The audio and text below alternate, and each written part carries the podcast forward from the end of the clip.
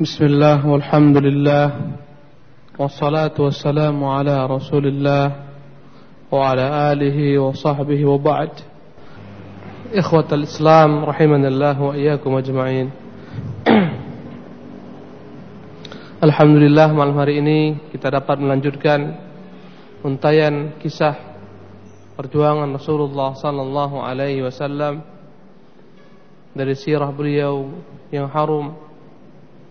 Semoga Allah Subhanahu wa taala senantiasa memudahkan kita untuk mengikuti jejak beliau sallallahu alaihi wasallam. Beberapa kesempatan yang lampau kita telah menyelesaikan episode perang Badar di mana peperangan itu adalah peperangan yang gemilang yang memiliki dampak besar terhadap kebangkitan Islam, kebangkitan kaum muslimin di mana bangsa Arab telah menyaksikan kemenangan tersebut yang tentunya akan membuat mereka memperhitungkan kaum muslimin. Ikhwani rahimanillahu wa iyyakum ajma'in. Tentunya yang paling telak, yang paling parah dengan kemenangan kaum muslimin pada perang Badar adalah orang-orang musyrikun. Mereka telah merugi harta, telah terenggut nyawa para pemimpin-pemimpin pembesar-pembesar mereka. Kemudian di sisi lain hal ini akan membuat gentarnya musuh-musuh Islam dari dalam kota Madinah maupun sekeliling Madinah. Adapun dari dalam Madinah orang-orang Yahud yang merasa terganggu eksistensi mereka agama mereka, melihat kemenangan kaum muslimin. Betapa bencinya mereka terhadap kemenangan kaum muslimin. Marahnya mereka terhadap kemenangan kaum muslimin. Kemudian dari sisi lain ada orang-orang yang masuk ke dalam Islam berpura-pura seperti Abdullah bin Ubay bin Salul menyerah terhadap kemenangan kaum muslimin Zahirnya menunjukkan keislaman, hatinya menyimpan kekufuran. Ini dampak peperangan Badar. Setelah Badar usai, masuklah pemimpin orang-orang munafikin Abdullah bin Ubay bin Salul ke dalam Islam. Yang sebelumnya, kalaulah bukan karena Rasulullah datang ke Madinah, beliau akan dijadikan sebagai raja bagi Aus dan Khazraj. Setelah Islam menang, hancur orang-orang musyrikin maka masuklah Abdullah bin Ubay bin Salul ke dalam Islam berpura-pura untuk menggerogoti kaum muslimin dari dalam menimbulkan berbagai macam fitnah, isu-isu. Ada kelompok lain yang tidak penting baginya iman ataupun kufur. Mereka adalah orang-orang Badui yang tinggal di sekeliling Arab, yang tinggal di sekeliling kota Rasulullah, Madinah sallallahu alaihi wasallam. Madinatul Nabi sallallahu alaihi wasallam orang-orang Arab Badui ini mereka tidak penting iman ataupun kufur. Yang mereka penting adalah maisha, bagaimana mereka hidup, bagaimana mereka bisa merampok, bagaimana bisa mereka merompak para kafilah-kafilah yang berlalu. Dengan kemenangan kaum muslimin tentunya akan membuat mereka merugi. Akan membuat wilayah mereka semakin terusir, semakin jauh mereka terusir daripada sekeliling kota Madinah. Jadi ada empat kelompok di sini. Dengan menangnya kaum muslimin pada perang Badar, empat kelompok yang merasa terganggu eksistensi mereka. Yang pertama adalah orang-orang musyrikin yang kalah perang. Yang kedua adalah orang-orang Yahudi yang mengaku beragama Alkitab. Yang ketiga adalah orang-orang munafik dan yang keempat orang-orang Arab, orang-orang Badui yang tinggal di sekitar Madinah Rasulullah sallallahu alaihi wasallam. Ikhwani yang dimuliakan oleh Allah Subhanahu wa taala. Maka seluruh, seluruh empat kelompok manusia ini memiliki yakni kebencian yang bersangatan kepada kaum muslimin dan seluruhnya sepakat untuk menghabisi kaum muslimin. maka jelaslah kota Madinah dari segala macam penjuru dikepung, dikelilingi oleh musuh-musuh Islam. Ikhwani rahimanillahu wa iyyakum ajma'in. Pada kesempatan malam hari ini kita akan sebutkan bagaimana upaya orang-orang musyrikin sebagai bentuk pembalasan mereka terhadap Islam dan kaum muslimin.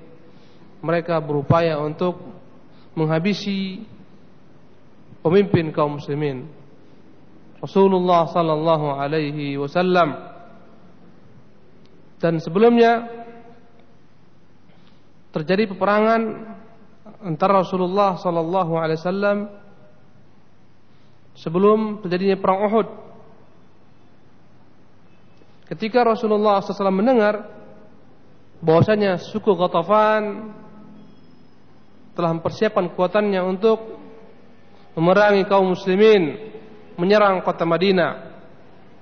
Maka berangkatlah Rasulullah sallallahu alaihi wasallam dengan 200 tentara beliau sallallahu alaihi wasallam menyerang kabilah ini, kabilah Ghatafan. Sampailah mereka di negeri orang-orang kabilah Ghatafan. Suatu tempat ini disebut dengan nama Al-Qudru. Maka Banu Salim dari kabilah besar Qatafan melihat kedatangan kaum muslimin. Mereka berlari mereka kocar-kacir berserakan meninggalkan harta mereka maka mereka tinggalkan dalam lembah sebanyak 500 ba'ir 500 unta yang tentunya menjadi milik kaum muslimin. Maka Rasulullah sallallahu alaihi wasallam membagikan ghanimah tersebut, tersebut kepada para sahabat-sahabat Rasulullah sallallahu alaihi wasallam yang ikut pada perangan tersebut. Setelah diambil seperlimanya, maka tiap orang mendapatkan dua ekor unta. Dan ketika itu terdapat seseorang mereka tangkap seorang budak yang bernama Yasar kemudian dimerdekakan oleh Rasulullah sallallahu alaihi wasallam.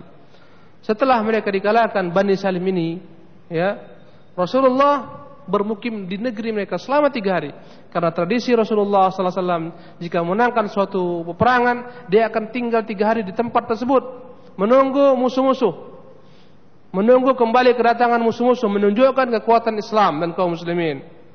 Maka tiga hari Rasulullah wasallam di Bani Salim ketika mereka tidak ada terlihat keinginan untuk kembali menyerang kaum muslimin kembalilah Rasulullah SAW ke kota Madinah dan peperangan ini terjadi pada tahun kedua Hijriah pada bulan Syawal yakni berarti baru beberapa hari daripada kemenangan kaum muslimin dalam perang Badar karena perang Badar terjadi pada tanggal 17 Ramadan dan ini terjadi pada perang pada bulan Syawal setelah Ramadan berarti Syawal masuk. Dua minggu setelah yakni perangan Badar, setelah kemenangan kaum muslimin, dua minggu atau tiga minggu setelah itu mereka kembali yakni berhasil menguasai Bani Salim dari kabilah Ghatafan. Kemudian adapun orang-orang Makkah tadi telah kita sebutkan sebelumnya betapa gerahnya mereka terhadap kemenangan kaum muslimin maka Mekah menggelegak kemarahan. Sehingga beberapa orang daripada pahlawan-pahlawan Mekah ingin menuntut balas kematian para sahabat-sahabat mereka terbunuh pada perang Badar. Ayah-ayah mereka, saudara-saudara mereka. Maka duduklah suatu ketika Umair bin Wahab al-Jumahi dengan Safwan bin Umayyah. Safwan bin Umayyah bapaknya terbunuh pada perang Badar, Umayyah bin Khalaf. Umayyah bin Khalaf yang menyiksa Bilal, yang dibunuh oleh Bilal dan kawan-kawannya. Maka duduklah Umair bin Wahab al-Jumahi bersama Safwan bin Umayyah. Di Hijr. Di Hijr Ismail. Di sisi Ka'bah setelah peperangan Badar tentunya.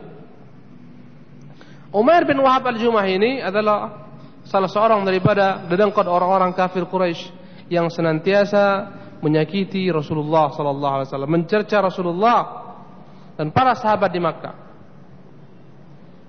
Dalam perang Badar, anaknya Umair yang bernama Wahab tertangkap, Wahab bin Umair tertangkap dan menjadi tawanan dalam perang Badar. Maka berdoa, mereka berdiskusi, bercerita tentang kekalahan mereka di perang Badar. Berkata Sofwan bin Umayyah yang bapaknya terbunuh pada perang Badar. Setelah menceritakan bagaimana matinya para pemimpin-pemimpin mereka, dia berkata, "Wallahi inna fil 'aishi ba'dahum wallahi ma fil 'aishi ba'dahum khair." Demi Allah, tidak ada lagi nikmatnya kehidupan setelah terbunuhnya mereka. Terbunuhnya para pahlawan-pahlawan kita. Maka berkata Umar bin Wahab, Sadaqta wallah. Benar yang kau ucapkan. Demi Allah, kalaulah aku tidak memiliki utang yang aku harus penuhi, harus kubayar. Demi Allah, kalaulah aku tidak memiliki anak-anak aku takut jika aku terbunuh mereka menjadi menjadi yatim, pasti aku akan segera berangkat menuju Muhammad. Aku akan membunuhnya. Aku punya alasan karena anakku di sana tertawan. Safwan bin Umayyah mendengar perkataan tersebut, seketika gayung bersambut, dia sambut. Apa dia katakan? Jangan khawatir. Umair, hutangmu aku yang bayar. Adapun anak-anak istrimu di bawah tanggunganku jika engkau mati. Apa pun yang kuberikan kepada anakku, kuberikan kepada anakmu. Jangan khawatir. Maka berkata Umair, kalau begitu rahasiakanlah perkara kita ini. Jangan ada orang mana pun yang tahu. Berkata Safwan af'al baik. Jadi cuma mereka berdua yang tahu. Strateginya bagaimana? Strateginya Umair ingin berangkat ke Madinah dengan alasan untuk menebus anaknya yang tertawan, kemudian di sana berjumpa dengan Nabi, dia akan bunuh Nabi sallallahu alaihi wasallam. Maka dipersiapkan oleh Umair pedangnya pedangnya dia asah, pedangnya dia beri racun. Kemudian dia pun berangkat menuju Madinah. Ketika telah sampai di pintu masjid, diikatkan untanya. Dan ketika itu terlihat oleh Umar bin Khattab radhiyallahu taala anhu yang sedang duduk beserta sebagian daripada kaum muslimin menceritakan bagaimana Allah menangkan mereka pada perang Badar.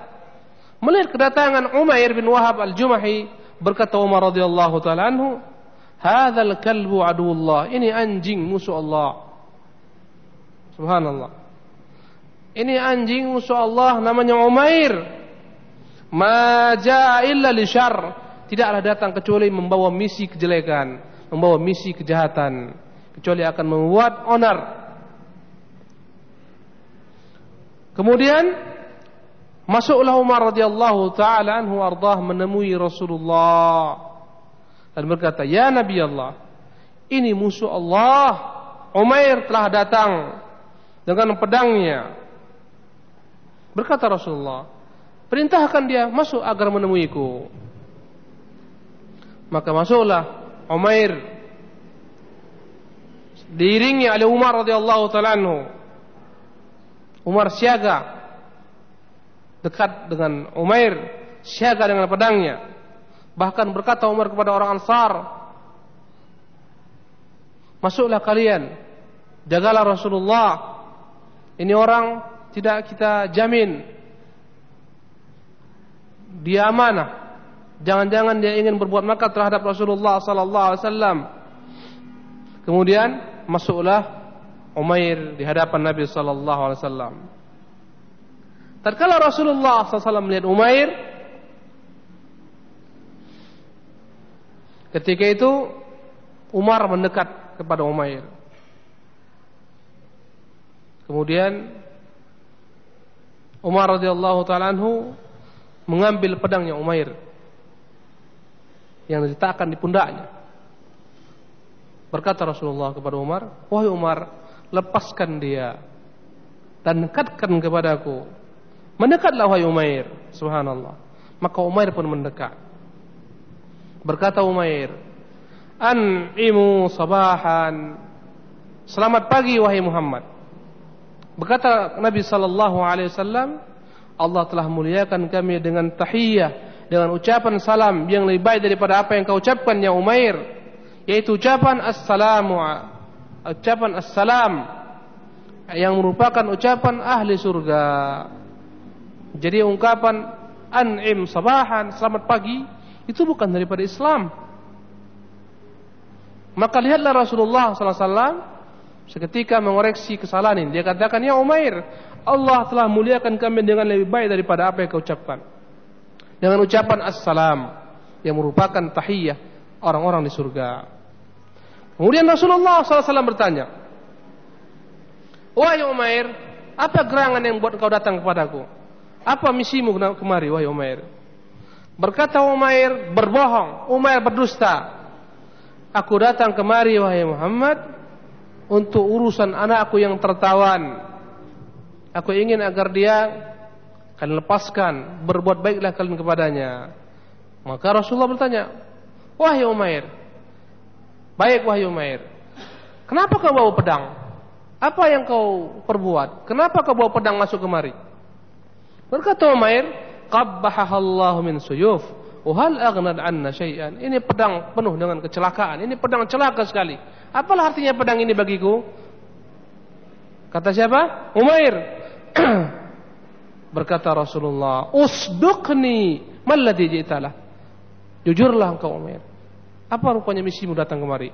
Apa yang kau bawa kemari? Apa gerangan? Maksudmu, tujuanmu datang kemari? Berkata Umair kembali, berdusta. Enggak ada. Kecuali apa yang kukatakan kepadamu ingin menebus tawanan anakku. Maka Rasulullah menjawab, Ya Umair, bukankah engkau telah duduk berdua dengan Sofwan di Hijr Ismail, di Hijr. Kemudian kalian berdua menceritakan tentang kekalahan eh, kekalahan kalian dalam perang Badar. Bagaimana pahlawan-pahlawan kalian dicampakkan di sumur. Kemudian engkau berkata, wahai Umair, kalau Allah bukan karena hutang yang ada padaku dan anak-anakku yang masih kecil, aku akan keluar sehingga aku bunuh Muhammad. Kemudian Safwan bersiap bersiaga akan menjadi pengganti bagimu untuk mengurusi anak-anakmu, membayar hutangmu. Tapi wahai Umair, Allah akan halangi tujuanmu itu. Allahu Akbar. Maka seketika berkata Umair, "Asyhadu annaka Rasulullah." Sekarang aku baru bersaksi engkau adalah benar-benar utusan Allah. Qad kunna ya Rasulullah. Nukadzibuka bima kunta ta'tina bihi min khabaris sama. Kami dahulu memang mendustakanmu, mendustakan berita yang kau bawa dari langit. Wa ma yanzilu 'alaika minal wahyi dan wahyu yang kau bawa Wahada amrun lam yahdurhu illa ana Safwan. Perkara ini tidak ada yang mengetahui kecuali aku dan Safwan saja. Subhanallah. Siapa yang memberitahukan kepada Rasulullah? Siapa yang memberitahukan kepada Rasulullah, ikhwan? Allah Subhanahu wa taala. Fawallahi innil a'lam ma ataka bihi illallah. Aku demi Allah sangat yakin pasti Allah yang beritahukan kepadamu. Subhanallah. Falhamdulillahilladzi hadanil Islam. Berkata Umair bin Wahab Al-Jumahi, Alhamdulillah, puji bagi Allah yang telah menunjuki aku kepada Islam. Kemudian dia pun bersyahadat, bersaksi di hadapan Rasulullah sallallahu alaihi wasallam. Berkata Rasulullah kepada para sahabat-sahabatnya, "Faqihu akhakum fi dini." Ajarkan saudara kalian ini dalam agamanya. waqra'uhul Qur'an bacakan kepadanya Quran wa atriqu lahu asirah bebaskan tawanannya Allahu Akbar ini wahyu menunjukkan kebenaran Rasulullah tidak ada yang tahu kecuali Umair bin Wahab dengan Safwan bin Umayyah hanya mereka berdua berjanji baik apa gerangan yang diperbuat dengan Safwan di, di Mekah kita kembali melanjutkan Adapun Safwan senantiasa dia beritakan kepada orang-orang Quraisy, bergembiralah. Sebentar lagi akan datang berita yang membuat kalian senang, melupakan semua kesedihan kalian pada perang Badar. Senantiasa Safwan berjumpa dengan orang-orang Quraisy mengatakan bergembiralah akan muncul akan ada suatu berita yang membuat kalian lupa terhadap kesedihan pada perang Badar. Dan setiap kali ada orang-orang yang datang, oh, selalu Safwan bertanya tentang keberadaan Umair. Umair kenapa belum ada beritanya? Sampai suatu ketika datanglah orang-orang memberitahukan kepadanya Umair telah masuk Islam. Maka Safwan bin Umayyah bersumpah untuk tidak akan pernah berbicara kepada Umair selama-lamanya. Dan tidak akan pernah membantunya selama-lamanya. Maka Umair kembali ke Makkah, dia bawa anaknya dan dia telah masuk Islam dan dengan sebabnya banyak orang-orang Makkah masuk Islam. Ini menunjukkan kepada kita ikhwan rahimanillah wa iyyakum ajmain banyak sekali faidah di antaranya mukjizat kebenaran Rasulullah SAW di mana Allah beritahukan kepada Rasulullah perkara-perkara gaib yang tidak diketahui kecuali oleh seorang Rasul. Di antaranya kebencian orang-orang kufar kepada Nabi ingin membunuh sosok diri beliau sallallahu alaihi wasallam berbagai macam cara yang mereka buat agar terbunuh Rasulullah sallallahu alaihi wasallam itu pada masa beliau hidup. Adapun setelah beliau mati upaya musuh-musuh Islam untuk menghabisi sunnah Rasulullah SAW. Dengan berbagai macam cara, upaya mereka berbuat agar Islam itu hilang dari muka bumi ini.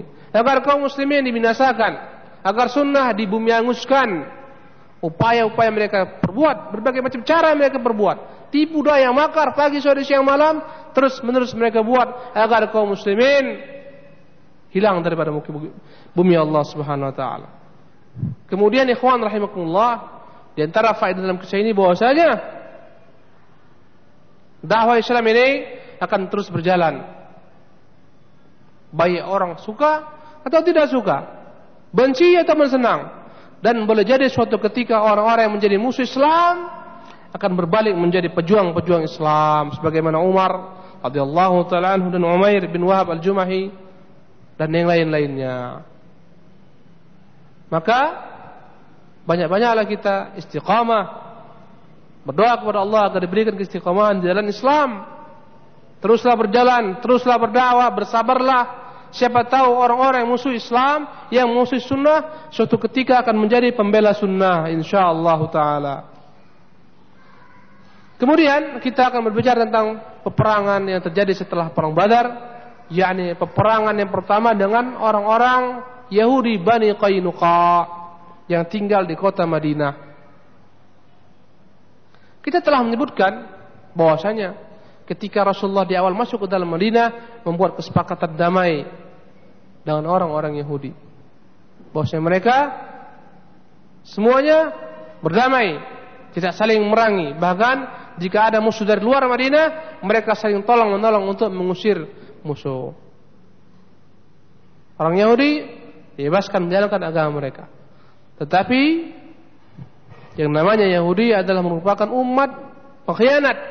Senantiasa berkhianat terhadap janji-janji yang telah mereka buat.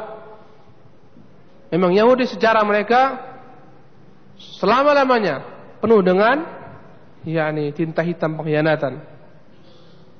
Maka semakin marah mereka ketika melihat kemenangan kaum muslimin di perang Badar. Mereka senantiasa berupaya untuk membuat makar, tipu daya terhadap kaum muslimin. Mereka selalu menyebut men, me, me, menyebarkan berbagai macam berita-berita yang kontroversial, berita-berita yang membuat terpecah belah kaum muslimin, membuat kaum muslimin takut dan seterusnya. Di antara upaya mereka, yakni mereka berupaya untuk mengadu domba antara kaum muslimin. Bani Qainuqa. Ada seseorang bernama Syas bin Qais, orang Yahudi. Dia pemimpin orang-orang kafir dari bangsa Yahudi. Begitu bencinya kepada kaum muslimin. Betapa dengkinya terhadap kaum muslimin. Maka suatu ketika dia melihat Subhanallah Inilah tipe orang-orang yang dengki terhadap kaum muslimin. Ketika lewat Syas bin Qais di hadapan orang-orang Ansar daripada suku Aus maupun Khazraj. Dia melihat betapa akrabnya orang-orang Aus dan Khazraj. Mereka berbicara bersama-sama, mereka berkumpul, maka muncullah dengkinya, mendidih kemarahannya melihat betapa akrabnya kaum muslimin yang dahulu ketika Islam belum datang ke Madinah, Aus dan Khazraj kedua suku ini bertikai sepanjang zaman. Ya, perang saudara berkepanjangan tanpa henti. Dan di sana Yahudi menarik meraih keuntungan. Mereka yang menjual senjata, mereka yang menjual bahan makanan, maka mereka menjadi penguasa Madinah dari segi ekonomi. Mereka senantiasa ingin agar Aus dan Khazraj bertempur terus menerus. Maka melihat keakraban orang-orang Ansar dari suku Aus dan Khazraj yang telah diikat dengan tali Islam muncul kembali kedengkiannya. Maka dia utus salah seorang orangnya untuk duduk di antara dua suku ini, orang-orang Ansar, Aus dan Khazraj. Dia katakan kepada orangnya, datanglah kepada mereka, duduklah bermajlis dengan mereka, kembali ceritakan peperangan-peperangan lama mereka. Bangkitkan kembali animis, eh, bangkitkan kembali rasa kesukuan mereka, sukuisme mereka. Bacakan syair-syair pada peperangan-peperangan yang terjadi antara mereka. Maka duduklah orang tadi. Kembali dia sebutkan. Dahulu kala kalian orang-orang Aus bertempur. Dahulu kala. Dia kembali ingatkan peperangan-peperangan lama. Syair-syair yang mencela kedua kelompok tersebut. Sehingga akhirnya masing-masing kelompok kembali mengenang masa-masa lama, muncul kembali fanatisme kesukuan. Sehingga mereka telah bersiap-siap untuk kembali berperang. Allahu Akbar. Betapa bahayanya mulut fitnah, adu domba. Subhanallah. Makanya berkata Rasulullah, la yadkhulul jannata namam. Tidak akan masuk surga orang-orang yang domba. Hampir-hampir mereka bertikai, bahkan mereka telah siapkan Masing-masing telah membawa senjatanya. Mereka siap untuk berkumpul satu tempat berperang. Ketawa ketika itu orang-orang Yahudi. Subhanallah. Maka sampailah berita ini kepada Rasulullah sallallahu alaihi wasallam. Maka seketika beliau menengahi mendamaikan antara kedua suku ini dan berkata, "Ya ma'syarul muslimin, Allah Allah, wahai kaum muslimin, takutlah kepada Allah. Takutlah kepada Allah." Abi da'wal jahiliyah wa ana baina adhhurikum apakah kalian ingin mengembalikan seruan-seruan jahiliyah seruan-seruan kepada suku fanatisme kelompok kabilah golongan? Wa ana baina adhhurikum padahal aku ada di tengah-tengah kalian. Ba'da an hadakum Allahu lil Islam. Setelah Allah tunjuk kalian kepada Islam wa akramakum bih setelah Allah muliakan kalian. Wa qata'a bihi ankum amral jahiliyah. Setelah Allah putuskan semua perkara-perkara jahiliyah antara kalian. Wastanqadhakum bihi minal kufri. Setelah Allah selamatkan kalian daripada kufuran. Wa allafa baina qulubikum. Setelah Allah satukan anti hati kalian. Allahu akbar. Maka kembali mereka saling berpelukan satu sama lainnya. Menangis. Bercucuran air mata mereka. Berpelukan Subhanallah. Mereka tahu itulah tipu daya syaitan. Hampir-hampir mereka kembali berperang karena kesukuan yang diangkat, ras yang diangkat. Makanya ikhwan rahimanillah wa iyyakum, segala macam bentuk seruan-seruan yang mengikat manusia kepada kelompok, golongan, keturunan, nasab, individu dan seterusnya jahiliyah, perkara jahiliyah. Hanya sunnah yang menyatukan kaum muslimin. Hanya Islam yang menyatukan kaum muslimin. Andai kata diangkat selain Islam sebagai simbol, apakah suku, tanah air, dan seterusnya, kelompok, golongan, partai, dan seterusnya, akan terpecah belah kaum muslimin. Maka ingatlah pesan Rasulullah, Allah, Allah, Takutlah kepada Allah. Takutlah kepada Allah. Abidah awal jahiliyah. Apakah akan ingin kembali menyerukan suara-suara jahiliyah, seruan-seruan jahiliyah? Apa seruan jahiliyah? Fanatik kepada suku, fanatik kepada kelompok, fanatik kepada golongan. yang telah memecah-mecah kaum muslimin dewasa ini. Yang mana seruan mereka bukan lagi kepada Islam, bukan lagi kepada sunnah, bukan lagi kepada Rasulullah, tapi kepada kelompok, kepada suku, kepada ras, kepada bahasa dan seterusnya. Maka sunnahlah yang menyatukan kaum muslimin. Karena itulah mereka disebut dengan nama ahlu sunnah wal jamaah. Orang-orang yang kawin dengan sunnah dan yang menyatukan. Jemaah. Bukan berpecah belah, tapi mereka berjamaah. Bersatu. Kemudian ikhwannya rahimanillah wa iyyakum ajma'in. Terus menerus mereka menyebarkan berbagai macam isu. Pelecehan kepada kaum muslimin. Mengatai kaum muslimin merongrong kaum muslimin. Ini orang-orang Yahudi. Kalaulah ada orang Islam, orang-orang yakni Ansar yang masuk Islam dan dia punya hubungan dengan orang Yahudi, mereka putuskan. Kalau punya hubungan perdagangan, diputuskan. Dahulu kala engkau ketika dalam agama lamamu kita bermitra dalam Islam. Sekarang setelah engkau masuk Islam, engkau bukan lagi mitraku. Mereka putuskan dengkinya kepada kaum muslimin. Kalau anda kata orang-orang Islam punya hutang dengan mereka, pagi sore siang malam diminta untuk dibayar hutangnya. Dituntut. Karena kita ketahui Yahudi mereka menguasai ekonomi di Madinah. Mereka dulu kaum muslim orang-orang Aus dan Khazraj, mereka sibuk bertikai berperang, maka kaum Yahudi mengambil kesempatan untuk memegang ekonomi. Kalau anda kata orang Islam memiliki hutang kepada orang Yahudi, mereka tuntut pagi, sore, siang, malam.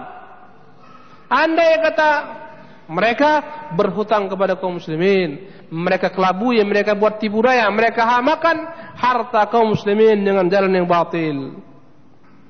Padahal mereka telah terikat perjanjian dengan Rasulullah sallallahu alaihi wasallam untuk tidak berbuat khianat. Tapi Rasulullah masih tetap biarkan mereka.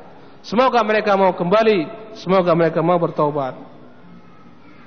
Namun ketika mereka melihat Allah menangkan kaum muslimin dalam perang Badar, sekarang kaum muslimin telah memiliki kekuatan yang ditakuti oleh lawan-lawannya yang membuat takut yang dekat ataupun jauh. Maka semakin tampaklah kejengkelan mereka terhadap kaum muslimin. Bahkan yang paling keji, yang paling benci pemimpin mereka yang bernama Ka'ab bin Al-Ashraf yang kelak kita akan sebutkan bagaimana kisah pembunuhannya eksekusi Ka'ab bin Ashraf atas perintah Rasulullah sallallahu alaihi wasallam terus menerus mereka melawan kaum muslimin Ka'ab bin Ashraf menyiapkan syair-syair yang mencerca perempuan-perempuan kaum muslimin Rasulullah menjelek-jelekkan mereka mengungkapkan aib mereka aurat mereka dan itu adalah merupakan celah dalam bahasa Arab. Kalau mereka ingin membuat panas suatu suku, mereka akan sebutkan perempuan-perempuan mereka. Mereka akan hinakan perempuan-perempuan suku tersebut sehingga akan muncullah kebencian dan akan berkecamuk peperangan. Dan ada tiga suku orang-orang Yahudi yang paling dekat tinggalnya dengan kaum muslimin Yahudi Bani Qainuqa. Dan kita akan ceritakan sekarang ini bagaimana peristiwa peperangan Rasulullah terhadap Yahudi Bani Qainuqa. Mereka tinggal dalam kota Madinah.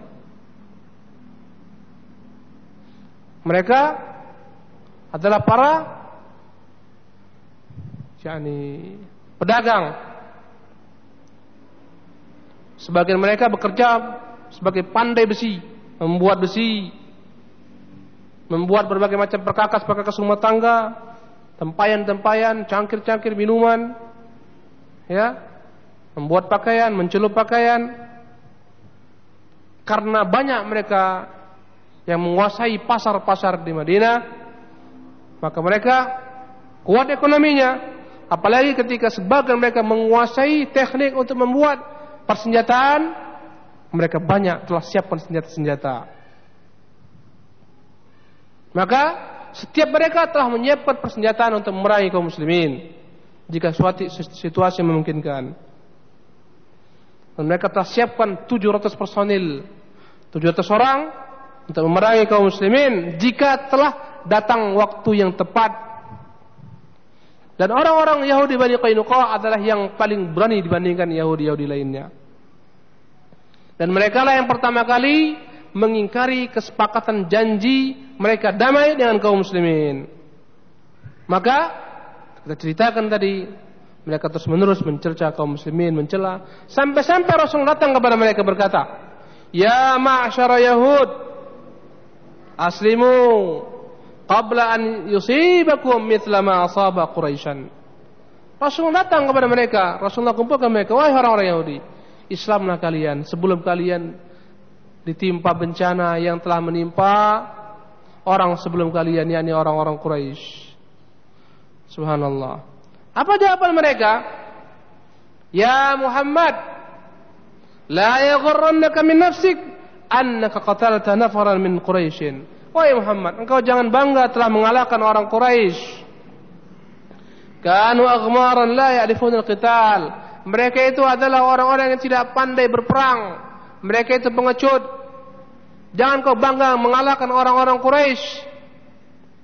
Innaka law qatalatana la'arafta anna nahnu nas. Dengan bangganya mereka berkata, dengan sombong ya Muhammad. Ketika disuruh Islam oleh Rasulullah, masuk Islam kalian.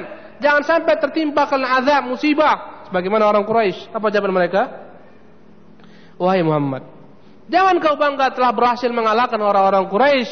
Orang Quraisy orang-orang yang pengecut, yang tidak tahu berperang. Kalaulah engkau menghadapi kami, engkau akan tahu kamilah manusia, kata mereka. Kalau kau berhadapan dengan kami Muhammad, barulah engkau tahu siapa kami. Dengan sombongnya orang-orang Yahudi menentang Rasulullah sallallahu alaihi wasallam. Apa kata mereka? wa annaka lan talqa mithlana. Engkau tidak akan pernah berjumpa dengan orang yang seperti kami keberaniannya. Kehebatannya.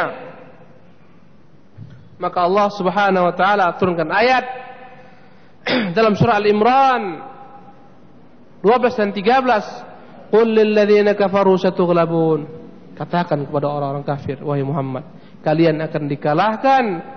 Wa tuhsyaruna ila jahannam. Akan digiring ke neraka jahanam wa bi'sal mihad. Dan itulah sebaik itulah sejelek-jelek tempat. Wa qad kana lakum ayatun fi fi'ataini taqata. Bukankah telah ada pada kalian dua uh, uh, ada bukankah telah ada pada kalian suatu tanda besar? Ketika dua pasukan yang bertempur fi'atun tuqatilu fi sabilillah wa ukhra kafirah satu kelompok berperang dengan Allah yang lain kafir yarawnahum mithlaihim ra'il ain. Orang-orang kafir melihat orang-orang Islam dua kali lebih banyak daripada jumlah sebenarnya. Daripada jumlah mereka. Wallahu yu'ayyidu binasrihi man yasha. Dan Allah akan memperkuat, memperkokoh siapa-siapa yang dia inginkan daripada hambanya. Inna fi dzalika la'ibratan lil absar. Dan itu adalah merupakan tanda-tanda bagi orang yang mau melihat. Maka dengan pernyataan ini menunjukkan memang orang-orang Bani Qainuqa, Yahudi Bani Qainuqa telah mempermaklumkan perang terhadap Islam, terhadap Rasulullah sallallahu alaihi wasallam, menentang Rasulullah, tapi Rasulullah masih tahan marah karena kemaslahatan yang dia lihat. Masih bersabar. Dan masih menunggu apa yang akan mereka perbuat selanjutnya. Adapun orang-orang Yahudi Bani Qainuqa ini melihat Rasulullah diam, semakin bertambah-tambah melunjak. Semakin berani mereka melecehkan kaum muslimin, menyebarkan berbagai macam isu-isu yang tidak benar, fitnah, provokasi. Ibnu Hisham meriwayatkan bagaimana sebab terjadinya peperangan terhadap Bani Qainuqa. Ada seorang wanita dari kaum muslimin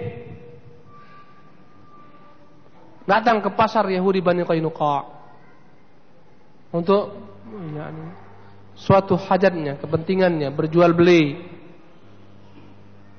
Dia jual suatu barang miliknya. Di pasar Yahudi Bani Qainuqa. Maka dia duduk di tempat salah satu stand daripada orang-orang Yahudi. Maka orang-orang Yahudi ini melecehkan dia. Mereka berolah-olah perempuan ini. Mereka minta supaya perempuan ini membuka wajahnya. Tapi dia tolak. Subhanallah. Subhanallah. Lihatlah bagaimana perempuan-perempuan sahabat Rasulullah menjaga auratnya, menjaga kemaluannya. Ya, wajah mereka enggak mau mereka buka. Lihatlah perempuan-perempuan kaum muslimat yang mereka jauh daripada Islam dalam berpakaian, membuka auratnya tanpa rasa malu, tercabut fitrah fitrahnya, mempertontonkan auratnya kepada orang-orang asing waliyadzubillah. Subhanallah. Bencana musibah ketika kaum muslimat meniru orang-orang kufar dalam berpakaian. Tanpa rasa malu menampakkan ponggong, punggungnya, bokongnya waliyadzubillah dan seterusnya. Lihatlah eh, para sahabat Rasulullah. Mereka enggan. Mereka menjaga kehormatan mereka. Subhanallah. Ciri-ciri kiamat. Akan munculnya perempuan-perempuan yang telanjang kata Rasulullah sallallahu alaihi wasallam. Berpakaian tapi telanjang. Ya pakaiannya bukan untuk menutup. Pakaiannya bukan untuk menutupi aurat. Pakaian yang tipis dan transparan yang membentuk yang terbuka sana sini waliyadzubillah. Maka ketika perempuan ini menolak dia dikerjai datanglah penjual ini Asa'iq, asa'iq ini dalam bahasa Arabnya tukang celup pakaian yang membuat warna pakaian. Dia datang, dia pelan-pelan dari arah belakang. Dia ikat pakaian perempuan ini, ya. pakaian bawahnya, roknya dia ikat. Dia ikatkan ke punggungnya. Sementara perempuan ini lengah, lalai, dia nggak tahu, dikerjai. Ketika perempuan bangun dari duduknya, maka terangkatlah pakaiannya, terlihatlah auratnya oleh billah. Maka seketika dia menjerit. Dan orang-orang ini tertawa-tawa melihat kejadian ini. Maka salah seorang kaum muslimin yang melihat saudarinya dihinakan, dilecehkan oleh orang-orang Yahudi, dia datang seketika dia bunuh pelaku ini. Maka beramai-ramai orang Yahudi mengeroyoknya dan menghabisi laki-laki ini. Allahu Akbar. Subhanallah. Lihatlah ikhwan rahimakumullah. Bagaimana seorang muslim yang tidak ingin saudarinya dilecehkan. Dia mau mati, dia bayar mahal, nyawanya dia serahkan untuk menjaga kehormatan saudarinya. Adapun sekarang berapa banyak ada youth laki-laki yang tidak pernah sama sekali bergeming hatinya melihat anaknya, istrinya, kakaknya, ibunya, bibinya membuka aurat. Subhanallah. Bagaimana mereka dibandingkan dengan orang muslim ini? Nyawanya dia korbankan, ini enggak. Di bawah kekuasaannya, di bawah kekuasaannya anaknya, istrinya tidak dia indahkan ketika membuka aurat, berpakaian tidak Islam. Maka berkata Rasulullah, la yadkhulul jannata dayyuth. Tidak akan masuk Islam laki-laki yang dayyuth. Apa itu dayyuth? Yang tidak punya rasa cemburu kepada mahramnya. Maka terbunuh laki-laki tersebut. Dibunuh oleh orang-orang Yahudi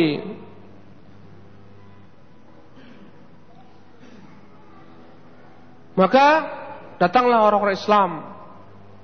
Terjadilah antara mereka pertikaian. Maka hilanglah kesabaran Rasulullah sallallahu alaihi. Dia kumpulkan seluruh sahabat-sahabatnya. Maka berangkatlah Rasulullah sallallahu alaihi wasallam menuju benteng Yahudi Bani Qainuqa. Dan orang Yahudi adalah umat yang paling pengecut Kalaulah mereka berperang hanya balik dari balik benteng, Allah katakan la yuqatilunakum jami'an illa fi quran muhassana atau min wara'i judur. Orang-orang Yahudi tidak akan berani berperang secara perang tanding berhadapan dengan kalian kecuali dari balik benteng, dari balik tembok. Ini orang-orang Yahudi pengecut. Maka Rasulullah perintahkan Abu Lubaba bin Abdul Mundir untuk menggantikan posisi Rasulullah di Madinah. Rasulullah berikan ketika itu bendera panji yang dibawa oleh Hamzah bin Abdul Muttalib. Berangkatlah Rasulullah menuju Bani Qainuqa. Seketika mereka melihat kaum muslimin datang berbondong-bondong, mereka bersembunyi di dalam benteng-benteng mereka. Maka mereka dikepung Rasulullah sallallahu alaihi wasallam itu terjadi pada hari Sabtu pada bulan Syawal 15 Syawal tahun kedua Hijriah kemudian pengepungan ini berlarut sehingga memakan waktu 15 malam sampai bulan Dzulhijjah eh, sampai bulan Dzulqa'dah dari Syawal sampai ke Dzulqa'dah. Setelah 15 malam, Allah buat gentar musuh-musuh Islam. Allah buat rasa takut di hati orang-orang Yahudi Bani Qainuqa.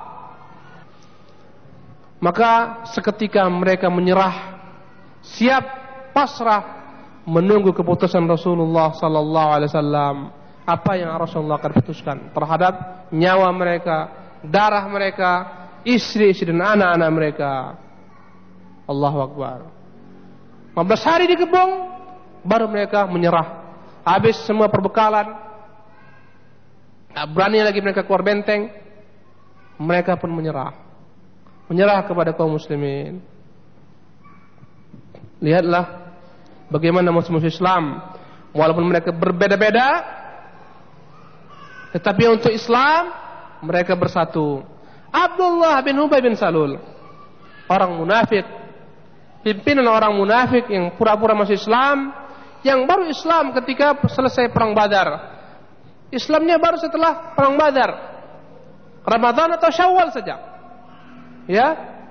Datang kepada Rasulullah sallallahu alaihi wasallam dengan kemunafikannya dia paksa Rasulullah agar memaafkan mereka tidak dibunuh dia berkata, "Ya Muhammad, ahsin fi mawali wahai Muhammad. Berbuat baiklah engkau terhadap orang-orang Yahudi ini. Maula-maula yang dahulu mereka adalah penolong-penolongku. Dan dahulu kala orang-orang Bani Qainuqa, Yahudi Bani Qainuqa adalah sekutu bagi suku Khazraj yang dikepalai oleh Abdullah bin Ubay. Maka Rasulullah diam, tidak memberikan komentar. Kembali dia ulang-ulangi, dia paksa Rasulullah. Rasulullah berpaling meninggalkannya. Dia datangi Rasulullah. Sampai-sampai dia masukkan tangannya ke dalam baju besi Rasulullah. Dia paksa begini.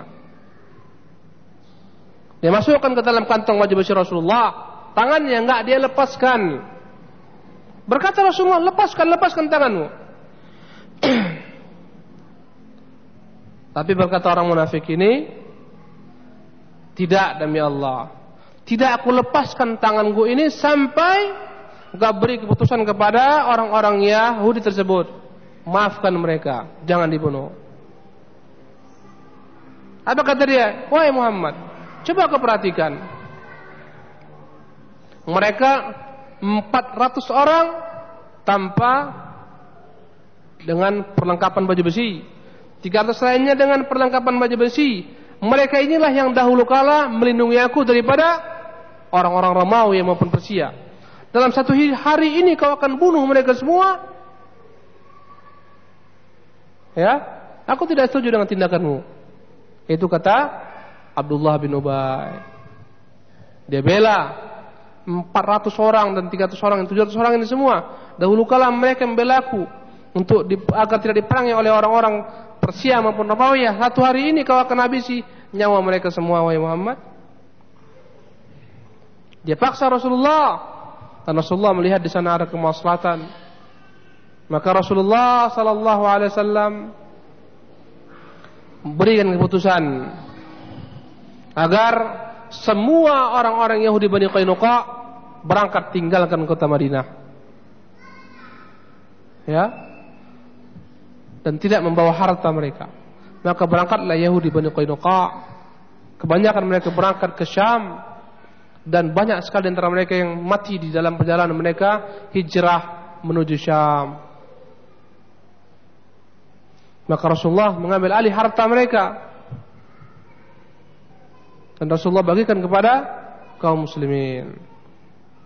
Dengan hal ini maka telah terusirlah Yahudi Bani Qainuqa dari kota Madinah. Tinggal dua Yahudi lagi kelak. Nadir, ya. Bani Nadir, dan Bani Quraidah. Itu yang dekat Madinah. Nanti ada lagi di Khaybar. Subhanallah. Musuh-musuh Islam mereka saling tolong menolong untuk menghabisi kaum muslimin. Ikhwani rahiminallah wa iyyakum ajma'in. Demikianlah sirah perjalanan kehidupan Rasulullah sallallahu alaihi wasallam dari beliau diangkat menjadi nabi sampai perang Badar dan insyaallah taala kita akan lanjutkan sirah beliau ini di kesempatan yang akan datang.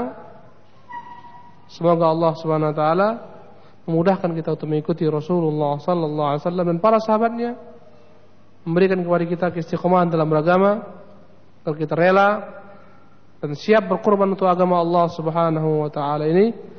Aku qawli hadza wa as'alullah li wa lakum at-tawfiq was-sadad wa sallallahu wa sallam ala nabiyyina Muhammadin wa akhiru da'wana alhamdulillahi rabbil alamin.